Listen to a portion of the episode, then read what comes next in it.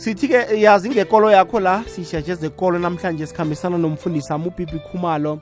Sisheje indaba eh yabafundisi ababa nobudlelwane namalunga webandla. Ngitsho ubudlelwano bethando bona kuhle kuhle ibhayibheli ithini lapho. Mfundisi sakwamukela kugokwez f m? Lisho la ah angithathe lethuba ngikulochise mendlelavu ngilotshise nomlaleli wekwekwezi FM mlaleli ulotshiswa ngumfundisi uBibi Khumalo endaweni yaseMiddelburg emhluzi ebandleni le-NCCA ngithokoza kakhulu kwamambala kobanyana ngibe nawe namhlanje si mindlo lapho hmm. siyathokoza mfundisi besiyakwamukela eh nomlaleli womhajo igwegwezi FM mfundisi ami siphethe indaba ekulu la eh indaba irara abantu abaningi eh isondo ligcina selingasakhambi kuhle ngoba kuthiwa umdosi phambili walo omfundisi unobudlelwano ngesondweni na kugcine sekwenzelwana amafavor mhlaza nayo kurarana nomuntu anobudlelwane ngesondweni na gcine eh, nesondo selichabalala mfundisi uza kujama njani phambi kwebandla ekubeni kunomuntu ahlekisana naye la? Sibuze kodwa sithi umfundisi nangabe akakachadi akanalona ilungelo bona angachata khona ebandleni na? Mina ngiza kuzwa ngayo mfundisi nangamavesi ozasitshela ngawo. Mfundisi akho sindlalela isihloko sethu. Mindlelavu angithokoze nakumlaleli wekwekwezi FM okokuthoma mindlolavu sikhuluma ngomuntu okuthiwa ngumdosi phambili ngithe emini sikhuluma nomama uJay Masemula ongaphasi kweoffice kaPrima Makura. Sikhuluma ngalesihloko lesi. Kwavela indaba yokobanyana lesikhathi ungumdosi phambili ungumfundisi labantwana laboma nabobaba sibathatha ngathi bantwana bakho kumele nakanjani bese wena uyabahlonipha? Ah mindlo lavo ngamabomu nje. Asikhambe sencwadini kaPaula ahlolela uTitus indima yokuthoma. Sifunde ngamabomu nje indinyana yobunane. First incwadi kaTitus chapter 1 verse 8 kunomntana nje ngizokudubhula kunalokho ke kufanele abe ngophatha kuhle abanye othanda okulungileyo azikhuze yena ngokwakhe. Okokuthoma mindlo lavu kumele singalibaleki iqiniso. Lesikhathi umoya kasomnini nowufika kuwe ngombana uphethe ibhayibheli uzochumayela bese umoya kasomnini uyakumvulela uhlala kuwe. Kodwana nekukhona omunye ngapha bese nanga umkhulu sathana athi man why ufuna ukuchumayela ngomlayezo lo? Uthini ngaloya na? Okwesibili lokho mindlo lafane singakubalekeli wathi kaJohannes chapter 8 verse 32 kunomntana othi iqiniso ngilo elizasichaphulula lesikhathi lowungena kuthothi nalo waka unakwakho naye ukhona kuthini ngaphakathi kwakho na? Ngiyavuma mindlo lapho. Izinto zikhona zasephasini.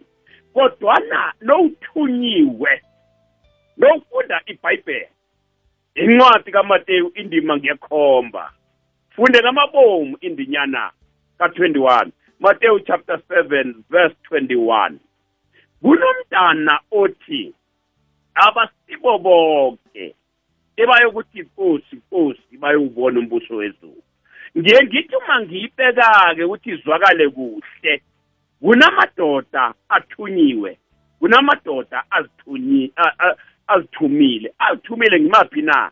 Ngila athanda izinto ezingekho. Lokho ngifanele ngikubeke ngingakufihli imindlo lapho why ngibeke lokho na? Okokuthoma uze ube ngumdosi phambili. Kumele wena ngokwakho ube yisibonakaliso ubonakale ube yikeresi ekhanyayo.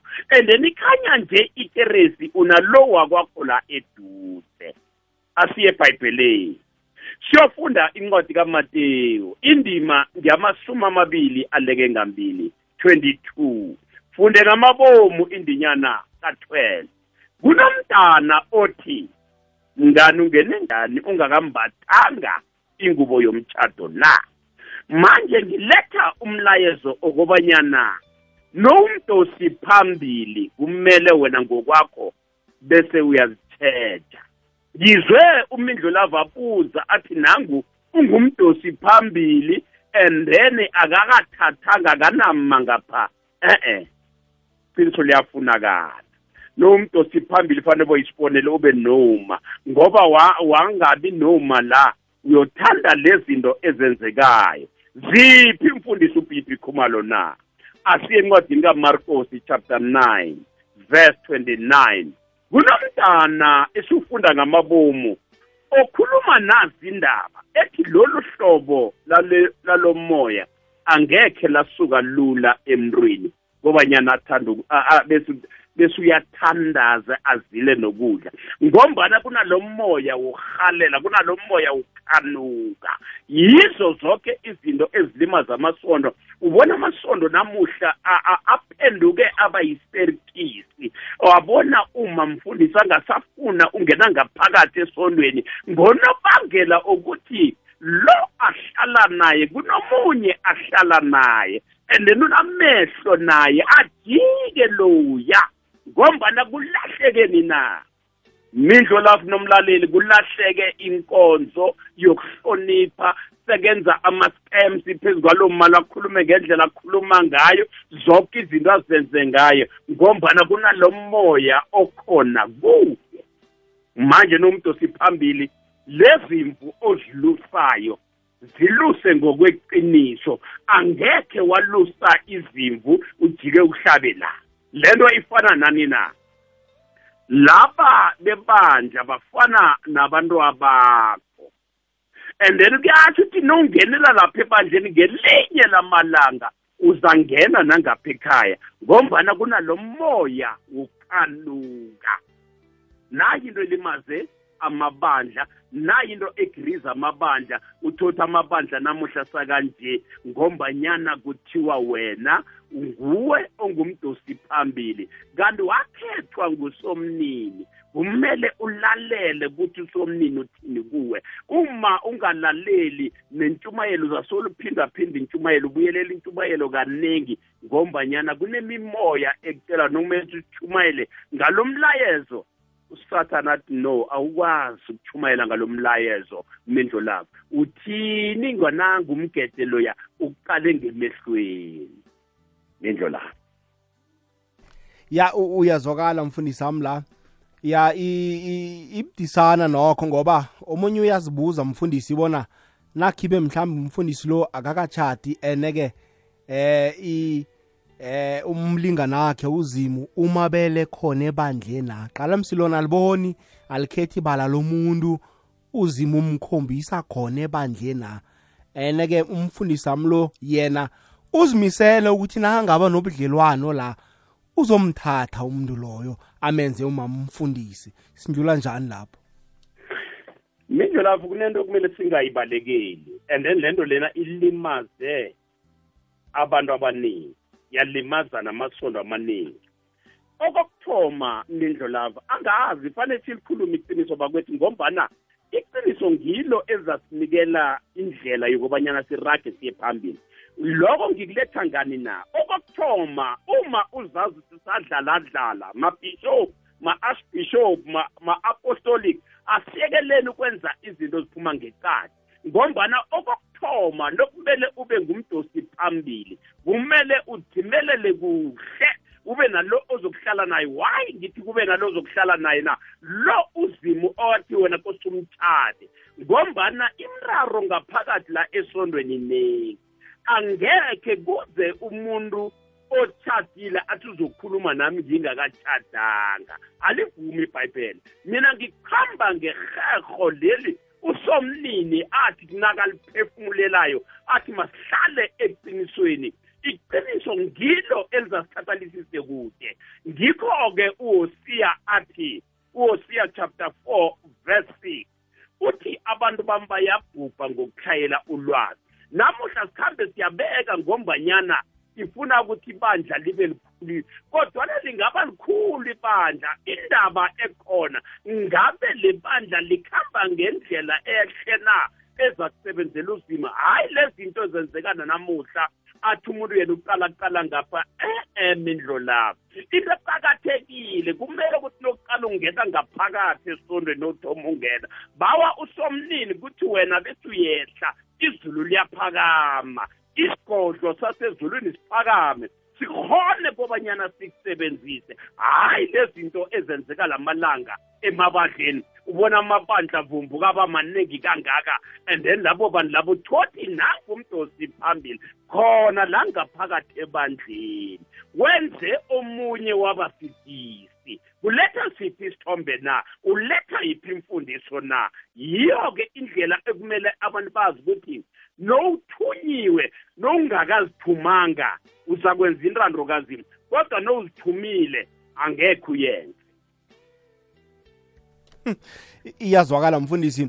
Hayi mlaleli kokwez f m nawe siyakumema bona uhlanganyele nathi ekulumeni lethu eh, le esiyikhulumako nje. Siyawabona amabandla ahlukana phakathi ngendaba zokuthi umdosi phambili uzithole abe nobudlelwano ekhaya ngesontweni na azange kusakhama ngendlela khona. 079 413 2172 079 413 2172 mhlawumbe ukho wayibona le lento yenzeka bunqopha wayibona nemphumela yakhona mhlawumbe yabamihle mhlawumbe yabamimbi umbono wakho nje nelemuko lemuko lakho ngaye indaba esiyiphetheko la.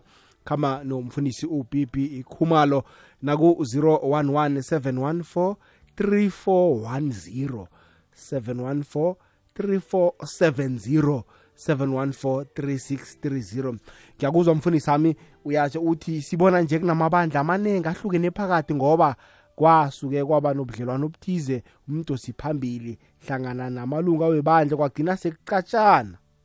Kunjalo mehlo lapho kwahlukana-ke amasondo kwa kwa kwa eh kwatlameka amasondo amaningi aphuma ngaphasi kwesondo linye ngoba umdosi phambili azange abeqotho eh, ngendlela ebekufanele abe ngayo.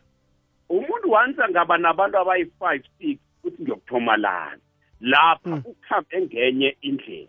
Waye akhambe ngenye indlela? Mindlu lavu ibhayibheli lithi encwadini yamahubo 34 verse 16 amehlo kasomnini aphezu kwethu nalaba ebalungileko uzimo ubaqalile. Uyayikhulumisa umfundisi indaba. 13 minutes to i- 11 ngiyabona ukhona umlaleli gokwezi FM naye ufuna ukuphawula ngendlela angaphawula ngayo ngesihloko sethu namhlanje khe sizwe la. Hmm, ngiyabona. Akhe sizwe la msinyazana. Eh akwandre mindlulavu nesiteyili sakho umfundisi ngapho mindlulavu khe ngilungise la mina ngendlela ngazi kakhona nami ngiya- ngiyasonda strong. Awugcotshwa ube mfundisi ungakathathi. Awugqotshwa ube mfundisi ungakabi noma wena mindlulavu mdele uthathe uchate eh, then from there kukhona u- u- uzokuba mfundisi. Uyangizwisisa? Then nawuthathe naw- naw- naw- nawuthetheko lapha kuyaziwa ukuthi no sicoba uma mfundisi nobaba mfundisi bakhulu bantu ba- banibeka esituleni sofundisi wena unguma mfundisi ukuba mfundisi noma mfundisi not ukuthi basho no umfundisi basho uzokhetha ngesondweni lapha uba mfundisi njalo ungakathathi. Ayikhona sikalahla abantu ni silungiseni nto leyo. Umfundisi mfundisi ngunkosikazi. Tele bantu abagqotshwa bayi-two abe ngumamfundisi kube nobaba mfundisi phela mindlu lava asiliseni ukulahla i- i- i- i- ikolo aseblief danki ngithokoze nomfundisi ngapho nibe nobusuku obuhle. Ngugeorge mathibela umjuda la ithembisa danki iyazwakala hlahlandlela umfundisi wami sikhule kutshiwo njalo kuthiwa awubi mfundisi ungakathathi. Kusenzeka lokho na mfundisi? Siyabona amasondo la semanengi sekunamasondo agijimisa imali sekunamasondo agijimisa into ezithize. Umthetho lo usalandelwa na? Mindlu lavu ngifuna ukukhuluma iqiniso angekhe ngalibalekela. Nowufunda incwadi yokuthoma katimoteyu chapter 6 verse 7 ibhayibheli ithi asizanga nalutho ephasini. Mbala siyokuhamba singanalutho into eseyikhona ebantwini impindlo lavu ngeke salibalekela iqiniso. Sekuhamba imali phambili. Njani na? Nofunda nofunda first timotheo chapter 6 verse 10 ibhayibheli ithi ukuthanda imali kuyisona. Abantu abaningi abasangeneli kobanyana babiziwe bazibize bona into egijima kakhulu zimthoro ngiyo-ke into elimazi namuhla ubona amabandla amaningi kangaka. Umuntu angalala kusasa athole nje babe yi-six babe yi-seven bathoma basungula ibandla bangakwatisana naye akwate naloya naye uragela phambili. Iphasi likho selonakele lingaka namuhla. Sekuvele kungena kuvele emhathweni kuthiwa umfundisi onje ukatile uvele emhathweni kuthiwa umfundisi onje ubaleke nemali. Isikhathi so esibhisi isikhathi esinzima lesi leyigogwezi FM kukhanya ba ebalithoba imzuzu ngaphambi kobana kubethe isimbi yechumi nanye lehlelo yazi ngekolo yakho sikhulumisa indaba zekolo khambisana nomfundisi ubibi khumalo imambane la. Sikhuluma ngendaba yabafundisi ababa nobudlelwano ngesontweni ku-079 413 2172 079 2172 naku-011 714 3410 3470 3630 sibona nje bona eh ngemasondweni sekwenzekani? Sizama ukuyithatha siyibuyisele emva sibone umhlolo bona uthini? Sizwe la eh indlo nomfundisi ngiyanibingelela. Eh ni usikhumbuzo kanomfundo ethwathwa. Nginenkinga makufika ekutheni ukuthi umfundisi akangathathi unkosikazi ebandleni makube ngizwa kahle. Kuyinkinga futhi umfundisi uma ejola noma ethatha unkosikazi ongamazi uNkulunkulu oziphuzelayo unkosikazi angeze ebandleni ibandla libona umfundisi njengesihluleki. Mina angiboni inkinga uma umfundisi ethandana nomzalwane ebandleni. Hhayi ngokwenhloso yokuthi kusasa uzohlukana nalo mzalwane bese uthandana nalo mzalwane kepha ngenhloso yokuthi umfundisi uyaseklela ufuna umuntu ozomseka esayidini because into ekhona abantu bafeyile uku-understand ukuthi abafundisi nababantu babuthakathaka bayalingwa bayasenza isono. So eh ngihluleka uku-understanda if abantu uma bebona umfundisi babona umuntu ongcwele and then kanti bayakhohlwa ukuthi okusebhayibhelini oku-100%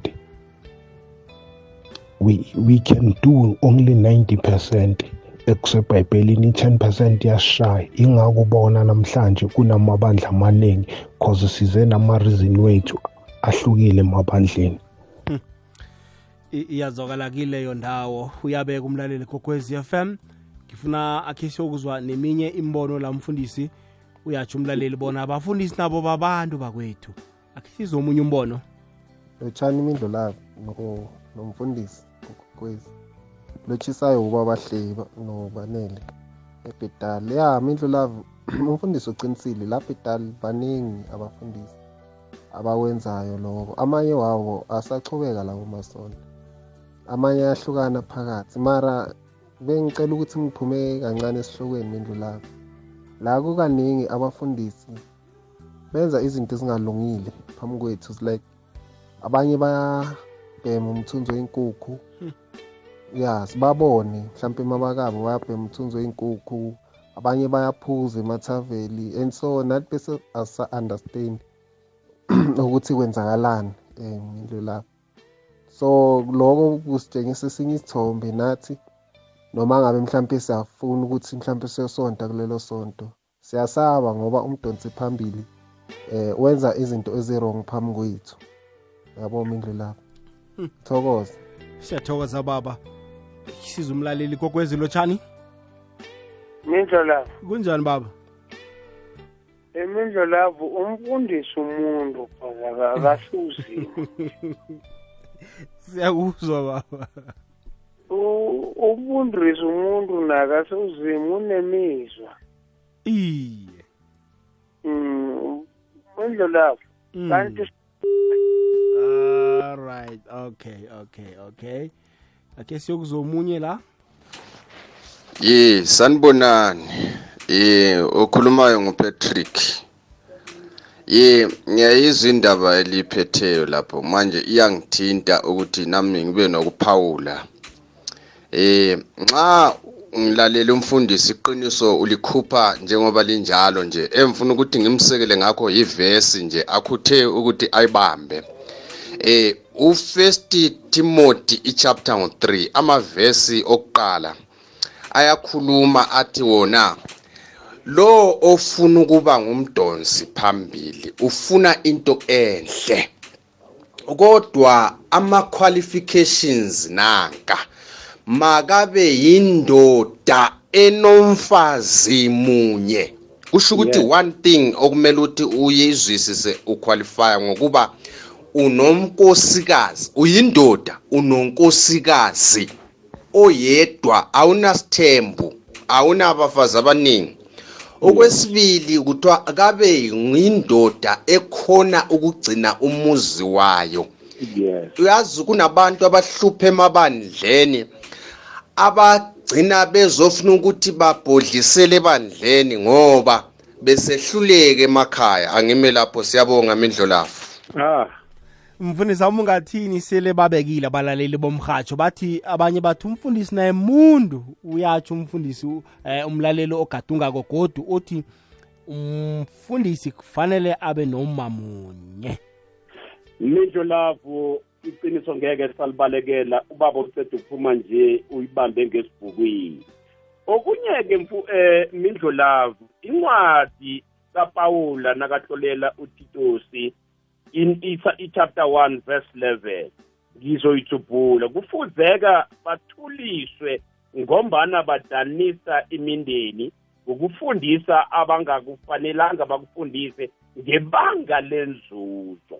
Into elimaza abantu bafuna inzuzo mindlo love nokumele ube ngumdosi phambili fanele kube niwakho umuntu la eduze and then okumele ube ngumdosi phambili ngiyavuma bakhuluma ngokwenyama. Iye inyama yona iyathwenya kodwa ithi makazithibe umuntu loyo aqualifye for ukuba kuloyo msebenzi loyo. Hayi lokhu uzathi nethi ngibona umindlu lava kuhamba lapha sekuyamthatha ngiyambeka. Yikho-ke kuzele umona. Umona wasuka kudala mindlu lapho nesiya ebhayibheleni siyofunda incwadi kagenesis chapter 4 verse 8 and 9 lesikhathi benza umnikelo ukutshiswa ukayini no-abela kwathoma lapho umona ku- kukayini nazobulala umnakwabo nasemasondweni kunjalo baningi abantu baganga nabafazi bamanye amadoda bagcine baluke amano ukuthi basuse indoda leya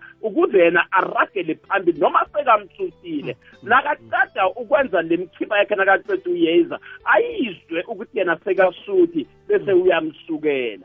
Manje ngikho-ke kuvela indaba yokuthi kazi konakelephi namuhla iphasi labamlimbi kangaka? Ngonobangela wongalaleli. Kumele lo umuntu osiphambili ube neyakho ibhegi ngapha ngeqadi. Yamambala hhayi le yakamasihlalisane. Iyazwakala mfundisi. Khe size umlaleli kokwezi? Eyi makhuzala kunjani? Sikhona kunjani baba? Awukhona ngilukise nomfundisi wami ugithi khumalo. Mm. ulukisa i-rank manager rank manager ukuba ne-rank manager mfundisi kunjani ngiyathokoza rank manager ngiyathemba iziqu sezikhulile kudala uyi-rank manager. Eyikade ngakugcina mfundisi ngiyathokoza ba um haba nenikhuluma iqiniso mfundisi mana abafundisi nabo abareha akhe basikela amaqiniso nakusekeregeni naba sebakhulume zona basikela amaqiniso than kumnandi khuluke nakunjalo. Ngiyathokoza nangisho njalo babunro siyathokoza mhlalukwana. Khe sizwe umlaleli la. Ipoza layile namandla layile mindlozi bathi ithando silithola endaweni ezahlukahlukene ngendlela ezingafani. Eyi yazi masekuso isisikhathi sokuthi sisenzela abantu ukuthi siluze into ekhona ngokungekho. Ngithi isikhathi masesikhona masekwenzekile dosa. Noma kuphi dosa usitholele umuntu wakho uhlale phasi uthula utithi du. Heyi ayiyona inzima le topic inzima inzima inzima mfana mduna hayi ikasi lawanyawuke kenros two to seventy mr gray Siya- siyathokoza eking ross msekhaya. Kunjani mingo lapho ya nangibongiseni ngapha ngegrill.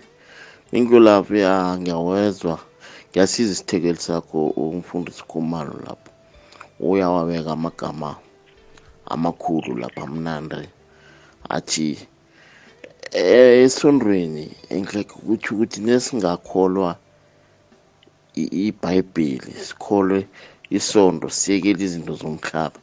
Lapho ngibona ngathi inkinga angeke saba nazo eziningi. Silandele izindlela ezikose sizilandele umraro angeke waba khona mindlulavu mindlulavu ngikulalela kamnandi khulu. Amagama la ngiwo mindlulavu siyathokoza kileyo ndawo sizwe la?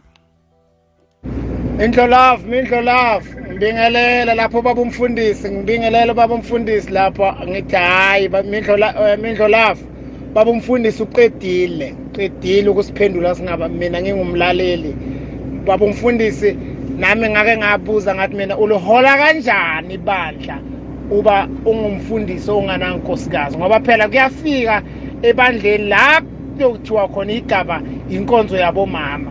Manje wena mawunganayo umama ulihola kanjani ibandla lapho kungena bani kweyakho indawo? Ngoba kufanele makuthiwe inkonzo yomama nomama kamfundisi abe khona. Ha mfundisi u- u- u- uphendulile ushayile mfundisi yazi uyibethe straight straight straight straight.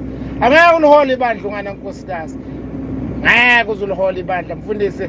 Abafundisi abafana nawe bayahlogeka mfundisi hhayi ukhuluma nomike lasnanathon mfundisi. Yingakho nje kugcwele ama-divorce kanje mfundisi ngoba benza izinto eziphambene nokulunga siyabonga kukhanya ba Siya- siya- siyathokoza mike stanera. Eh ya akhe sizomunye mfundisi Hello Mindlola. Njani? khona kunjani Ngikhona. Mindlola ngikunguzele kubaba umfundisi. Nakuyake ubaba wathatha kwahlukana nomkakhe. Then noma wenda wahlukana nobaba kwakhe. Bese laba bantu bayahlalisana bathi bangahlalisana bajoyina isondo. Labo bantu abanjalo bayakhona ukuthi bangaba bafundisi na loya wahlukana nomama kwakhe then loya wahlukana nobaba kwakhe bese bangena esondweni elilodwa ekubeni ukuthi bahlala ndawonye uma abantu abanjalo benzwani bayakhona ukuthi bangaba bafundisi noma abakafanelanga ukuthi bangaba bafundisi nabo labona ngiyathokoza indlela avo ngihloga igama lo mfundisi ama simphendule uhloka igama. Mindlela vilula le ndaba lena. Okokuthoma akhe siyofunda incwadi uTimothewu wokuthoma indima ngiyokuthoma ufunde ngamabomu indinyana yesishumi nambili. Ngithanda amazwi akhulunywa ngupawula umusa kazimu uthi ngiyathokoza kuKristu Jesu inkosi yethu wangipha amandla ngombanyana wangithembisa wangibeka ukobanyana ngenza umsebenzi. Okokuthoma midlo lapho kumele sazi. Angithi bona omunye utshingele omunye utshingele nofunda incwadi kadeteronoma chapter 22 verse 5 kuthiwa lo ohlukene naye kumele uhlole incwadi bese uyamnikeza and then leyo ncwadi soyitlolile umnikeza ayiphethe ngakuyiye sahlukaniso and then ngombana nenza isibopho nobabili. Siphi isibopho na? Nofunda incwadi kamtshumayeli chapter 5 iverse ngo-4 no-5 ithi ungavumeli kobanyana umlomo wakho uthembise kodwana lokhu okuthembisayo ungazokufeza. Isithembiso sithi siyokuhlukaniswa ukufa. Manje-ke ngaphambi kobanyana angene esimini le-araki ngoba benza isibopho omunye fanele ukuthwala ihlabathi ngesifuba emva kwalokho bese kuragelwa phambili. Kodwana ngenxa yale demokrasi yala emhlabeni abantu sebayazenzela. Angiphendule lo mbuzo othini ngabe unalo ilungelo lokuthi bangaba bafundisi noma mamfundisi na? Indaba isephezulu ehlokweni. Umdosi phambili lo ebambiza ukuthi nguyongamelele sono naka naka nakavuthwe kuhle angayibeka athole konke ukuthi kwenzekeni. Emva kwalokho lo muntu lo akadingi nokuthi angambeka esikhundleni. Akambekele emuva abe ngugosa agade abantwana bangaphumi nomnikelo. Ngiyakuzwa mfundisi. Usho ukuthi mfundisi akukhonakali bobabili badivosile mindlo lavo bese ngiyihlathulule ngithi mina kunesibopho esenziwa ngabanye abantu. Lofunda incwadi yabase-efesu chapter 5 verse ibhayibheli ithi umuntu yokuthiya ababelethi bakhe anamathele kulo atshade naye. Manje-ke lesikhathi nenijamile nitshadiswa yiyo le mambane ngubibi khumalo. Iyakubuza ithi yinto ebangela uthi uzungene kulo mtshato na? Okokuthoma umuntu uzakhuluma athi theofasilahla asibambi lawo magama layo that's why ibhayibheli ithi uma sifunda incwadi yezaka i-chapter 6 verse 2 ithi umuntu ubanjwe ngamazwi abuya kuye emlomeni. Ngikuzwile mfundisi amakhe sizwe la? Um ngiyabingelela mkhathi kukwekwezi FM igama ngufulela bhiwa kwangcobo indebele le-KZN mkhathi ngiyasiza isihloko sanamhlanje sikhuluma ngaso sibalulekile kakhulu. Kodwa msakazi kufuneka ukuthi sikwazi ukuhlukanisa izinto ey'hlukahlukene. Kukhona imikhuba kukhona usiko kukhona umthetho. Lezi zinto zonke azihambiselani ngesikhathi esifanayo yebo ngiyayizince kankulunkulu ikhotha amavesi. Vele umhlaba usuhambe wajika. Ikakhulukazi amakholwa nge-christianity akholelwa ekutheni ibhayibheli lihamba phambili. Kodwa noma inceka kaNkuluNkulu ikhotha ikhotha ngokwekatholiki ngokwebhayibheli. Kodwa ibhayibheli lona ngokwalo lithi ngey'nsuku zokugcina ngiyakuthululwa umoya wami kwabasha. Abanye bawuprofetha babona iy'manga beze konke. So-ke nanamhlanje emabandleni akhona umfundisi angene emncane ethi engena uthola ukuthi vele unesiphiwo ubizwe unkulunkulu osebenzela unkulunkulu lingakhulumi ngokuthi kumele ushade. Lokhu ukuthi kumele ushade nonkosikazi before uzohola ibandla izinto iyimkhuba eyacatshangwa abantu ngaleso sikhathi. Owami umbono lokho. Kodwa manje siphila kwi-new dynamic whereby abantu badingeka ukuthi balalele umoya ongcwele ngoba uthi unkulunkulu uma ulalela ibhayibheli lithi ngey'nkathi zokugcina ngiyakuthulula umoya wami ongcwele laba abaprofethayo bayakuprofetha futhi unkulunkulu ufuna abantu abakwazi ukuza izinto zakamoya. Unomfazi awunamfazi. Unkulunkulu angakubiza ungene ebandleni. Uthi ungene ebandleni futhi akubizele unkosikazi oqotho ozohamba nebandla. Thokoza kakhulu mindlo love. Mangayimoji imnandi kakhulu isihloko. Ngiyathokoza. Siyathokoza ndebelele KZN mfundisi ami mfuna khe ngibuze la liphi ivesi la elithi khona ngizo ngiba mfundisi sele ngichadile hayi lula-ke le. Lofunda first timothy chapter 3 verse 1 and 2 angithule liqiniso izwi elithi nangabe umuntu ulangazelela ukuba ngumbonisi usuke athanda umsebenzi omuhle njeke umbonisi akabe ngongasolekiyo onomfazi munye nomoya ophansi kukazimu amphe wona ukube aphathe ibandla ngendlela ehloniphekile ngombana ibandla kuyisicundo uzimu asenza ukuthi ozoba ngumdosi phambili akabe nomfazi munye.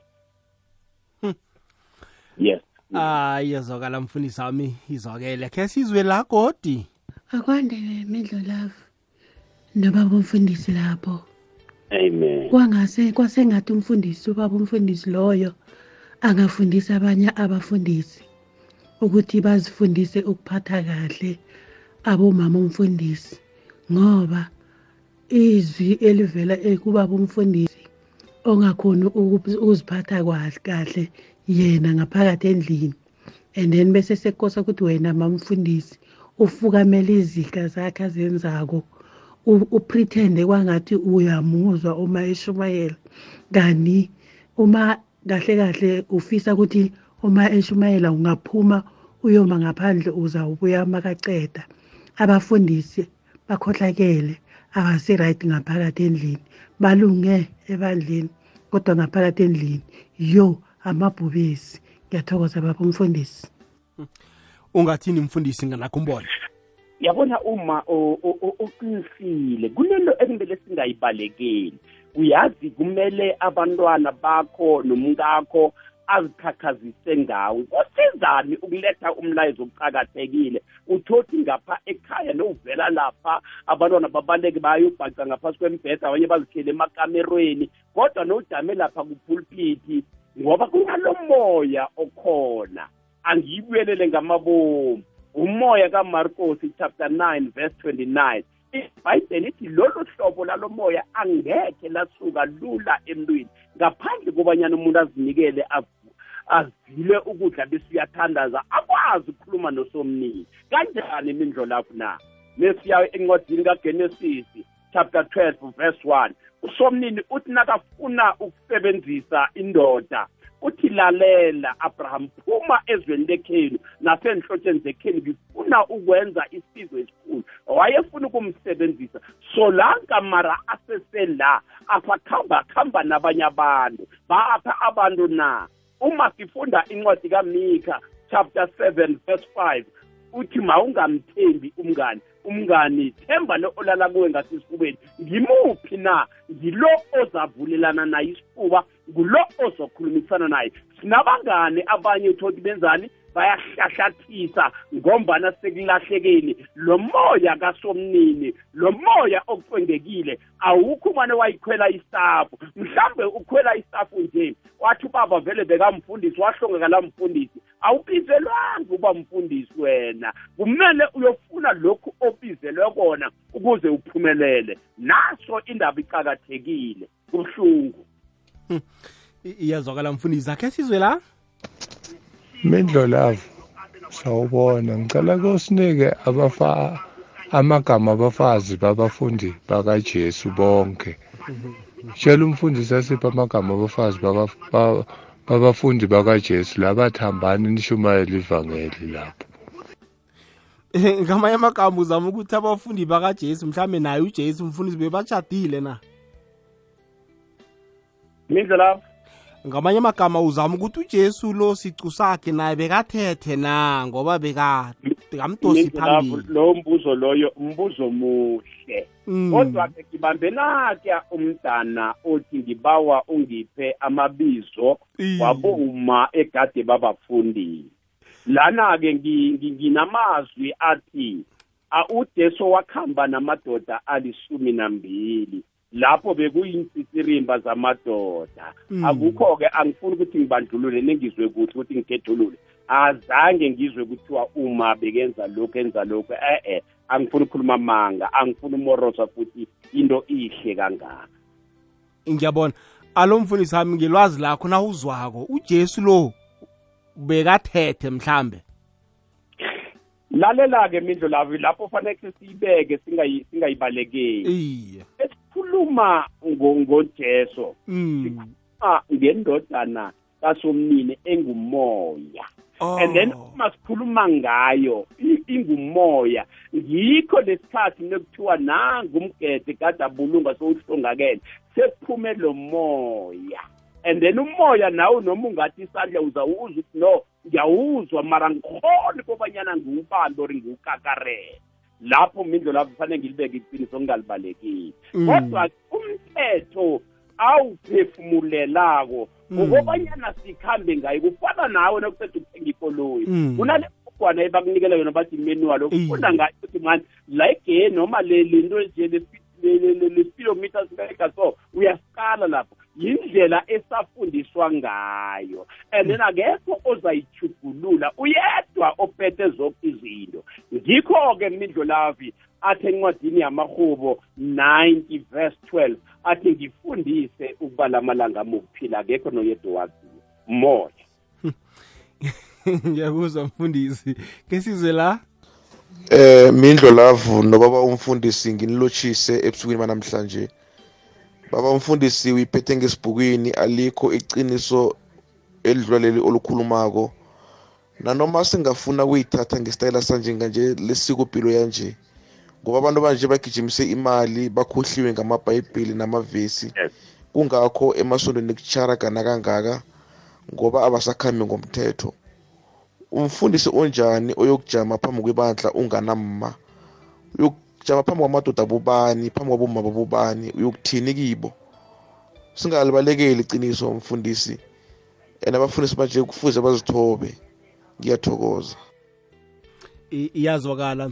Mfundisi wami la uthini ngabafundisi? Namkha uthini ngaboma ukuthi lokhu nakufika um- nakufika umfundisi akhe akuphe namapiringi ekunga- ekungaselwa ngawe nenkotlelo ekungadliwa ngazo ekhaya. Kodwana ubaba ekhaya ukhona kazazi mindlo lapho lapho ufanele ngilikhuluma iqiniso ngingalibalekeli nofunda incwadi yezaga chapter 14 verse 1 ithi umfazi ohlakaniphile uyalakha ikhaya lakhe kodwa isihlahla siyawugirisa.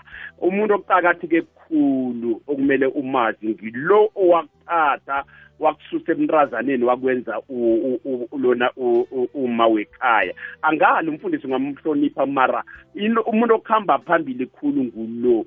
Kumele lokhu sikuhlukanise bazalwane singathatheli abafundisi phezulu ngombana bangabadosi phambili ngiyavuma bangabadosi phambili. Kodwa-ke okumele ukwazi nangu umuntu owakususa wakuletha la wakwenza ukuthi namuhla ungumama omthombeni.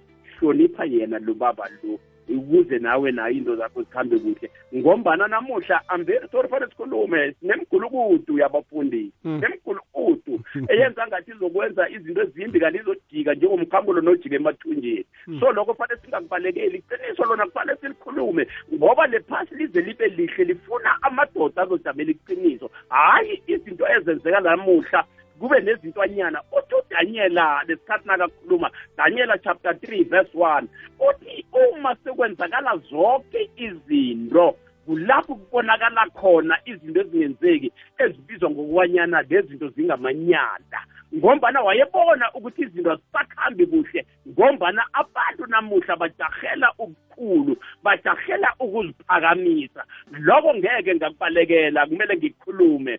Ngiye nga- ngathi ngelinye lamalanga mindlu lapho ngisa- ngisa- ngisa- ngisandlala le ndoda lena. Kunendoda kathixo engathi ngelanga siyivakasha endaweni yase-westbank lapho sikhulunga khona usipari sami le ndoda isondo layo likhulu ngendlela erara khulu. Kodwa ngathi ngiyayicala ngayibona le ndoda izehlisile iphasi ingambathanga amasigboboza ingekho batsho bay- bayiphathele ibhayibheli inamabodyguard ngathi le nto kathi bayikhuluma ngale ndoda mara nomabhizi bakhuluma abantu aba kodwa le ndoda nengithi ngiyayicala ayikho yonke le nto leyo indoda leyo bayibiza ukuthi umprofiti u-events ngamthuma ngamcala ngabona ukuthi musi le ndoda le zonke lezi ugcoba kuhle njengabantu nje fane akho umuntu nje oziphakamisayo. Manje thina siyaziphakamisa. Why siziphakamise na? Ngombanyana le nto asinayo. Ngathani besinayo ibhayibheli lithi asizehlise thina bese kuphakamisa and then lesikhathi sekuphakama izulu. Wenza izinto zenzeke. Abantu baza kukhuluma kumbi bakubize ngawo kamagama.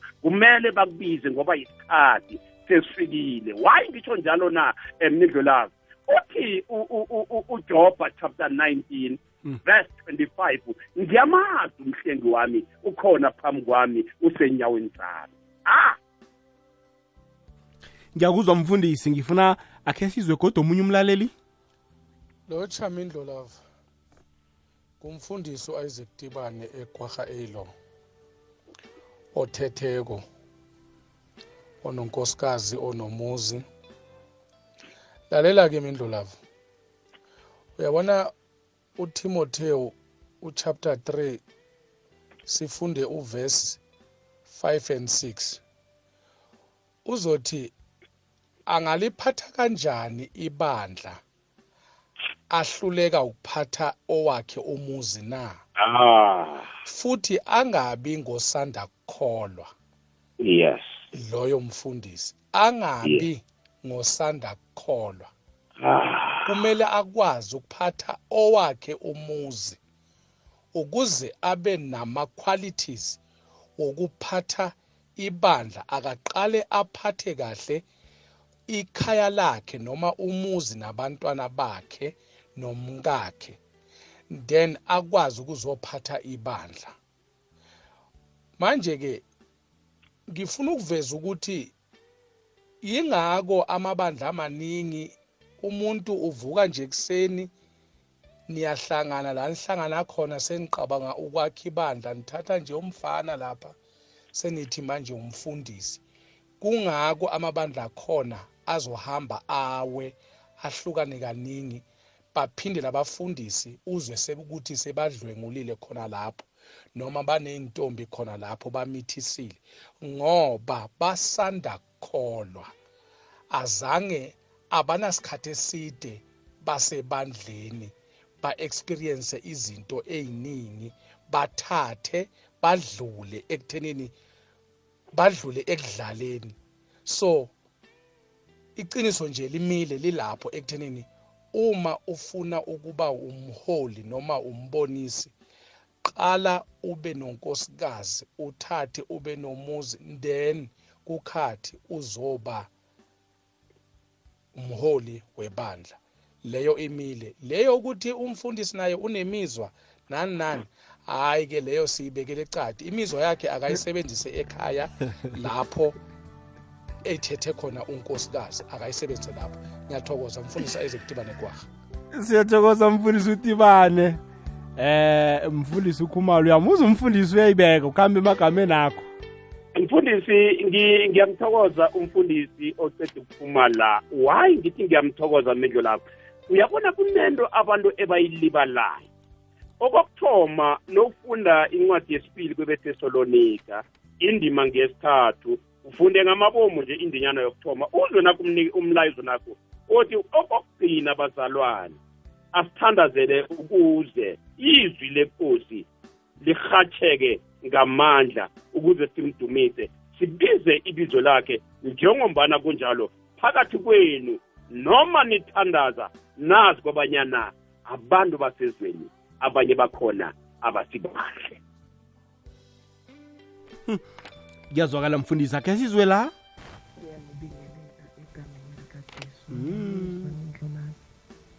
Ngiyamizwa lapha emkhathweni hayi khona ngiba uyigadangise godu ubuye. Ayizwakali nakancane mindla lapho kunjani? Sikhona kunjani eh nobaba umfundisi lapho. La ngiyakulotshisa mindla lapho mina ngiba ukubuza. Ukuthi labo aba abafazi abahola ibandla bona abanganamadoda so bona sithini kibo? Ngoba bakhona ukujamela amadoda wabanye abefazi. Siphuma njani lapho? Ke nisihlaliseni nalapho? Ike sizwe ebhayibhelini ukuthi kukhothe kanjani kibo um ngiyathokoza. Mfundisi wami nakho umbuzo ya indlelavu. Eh. Asikhulume nje singakhulumi ngoba akumele sibaleke iqiniso noma ubujamo buvela ngenye indlela kumele siphendule. Kuthiwa umfazi akanalo ilungelo lokubanyana angajamela abobaba. Why ngitsho njalo la magama na. Ibhayibheli ithi nesifunda incwadi kaDeuteronoma chapter 23 verse 21 ungathembi uma uthembisa thembisa kodwana bese uyafeza uma ungafezi yazini ukuthi leso sono sobuzwa kuwe. Ngamanye amagama-ke mindlo lavi ngifuna ukuthi-ke ngingadzimeleli khulu lapho ngombanyana umbuso wekhethu ngombana wakha kobanyana woke umuntu sowuyi-50-50 mara nesikhuluma nje iqiniso ngeke silibalekele ngokomthetho umfazi akayijameli indoda ngithanda khulu isikhethu isindebele kuthiwa vele umfazi akanalungelo lokuthi angajamela indoda manje ngombanyana siphila ephasini elinye lokho sekuyenzakala njengomunye ubaba uye wakhuluma wathi izinto ezenzeka amalanga la yizinto esezenzeka zikhambisana nesitayela kuthiwa zonke into seziyathuguluka. Lokho fanele ngikubeke ngingakubalekeli. Iyazwakala mfundisi wami khe sizwe la? Ngiyanibingelela mindlolasi ngiyanibingelela egameni likajesu nomfundisi lapho. Ngilalele mfundisi inkulumo yakho. Mina ngicela ukubuza mfundisi uma umfundisi ebandleni umfundisi ebandleni bese nangumuntu uyakushada umuntu ongazi lutho ngenkonzo umuntu oyibukelela ibhola umuntu onganasikhathi senkonzo sekakushadile. Kuyenzeka ukuthi lo muntu oshade naye alandele wena ebandleni lakho na? Or yena alifuni ibandla bese ulandela yena ebandleni? Ngicela ukubuza lapho baba. Ngiyabonga. Nakho umbuzo mfundisi? Hayi ulula kakhulu lo mindo la. Lalela-ke angibuyele emuva nohageni lapha encwadini kwabase-efeso chapter 5 verse 32 ibhayibheli lithi uyakuthiya ababelethi anamathele kulo atshade naye. Asithathe ukuthi nelithi uyakuthiya ababelethi angithi yena-ke bekangaphasi kwababelethi nakasuka lapho uyasuka uya kuwe. And then uma-ke wena ma sekakuthole ukuthi ukuleya sondo lela mhlambe-ke yena achuguluka athi mani ngibawa kobanyana mina-ke nami sengiyazizwa nje sengifuna ukuya ukungena ebandleni. Ngibawa ukuthi ngiyokusonda kulela bandla lela. Iqiniso lona ngeke salibalekela. Kumele ukuthi nakanjani noma isondo lakho eli ungalithanda kangangani kumele uthuthe. Siyangani na?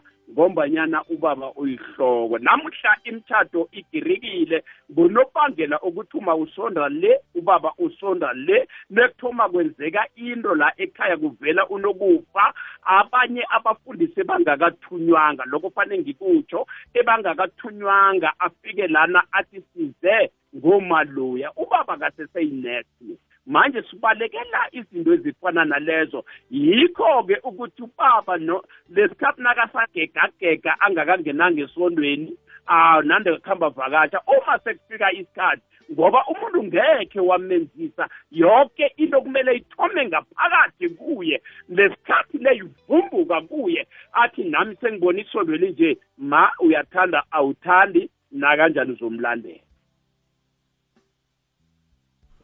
Ya nomfundisi wami kuyazwakala la. Mfundisi wami ngibawona ubeka nje amaphuzu akho aqakathekileko usongele yona ngokekhabo lakhona. Midlolavu angitsho la magama ukuthi into eqakathekile emhlabeni iyodwa. Lesikhathi mabhishop nonke nilalele akhe ungabeki umuntu sasa azoba nomraro sasa azofuna ukuphikisana nawe kusasa azokwazi ukuthi ufuna ukukhipha wena bese kusala yena. Lokho ngikuletha ngani na? Kumele sibe nalomoya ocwengekile umoya ongcwele usambulele ukuthi ngabe le mambani ijame njani. Once wayibamba lapho ngiyathemba kobanyana zonke izinto zizakuhamba kuhle.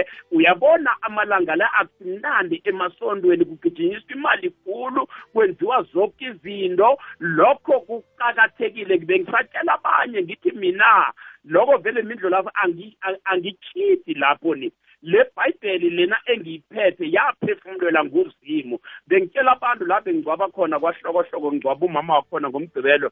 Ngathi mina into okumele uyazi ungathi nengiyokuchumayela ngiba uthi ungifundele ivesi ungitshele uthi uzangifundela kwiselfoni iselfoni iphethe into ezimbi khulu iphethe nezinto ezithusa khulu. Ayizange yaphefumulela iselfoni iselfoni yinto yinto nje esaphiwa yona bayenza ngapha nangapha bawatshintsha kodwa ibhayibheli yaphefumulela that's why ngifuna ukuthi umuntu afunde manje ukuze uphumelele ube ngumfundisi ube ngubani zama ukuthi uphathe ibhayibheli uba ukuthi uzime akusize nakho amazwi engiwagcinako engifuna ukutsho ukuthi mindlo lapho abantu fanele balazi iqiniso bangalibalekeli ngoba namuhla kuze kube nje amasondo abe maningi kangaka ulahleke inkonzo yokuthembeka kusomnini.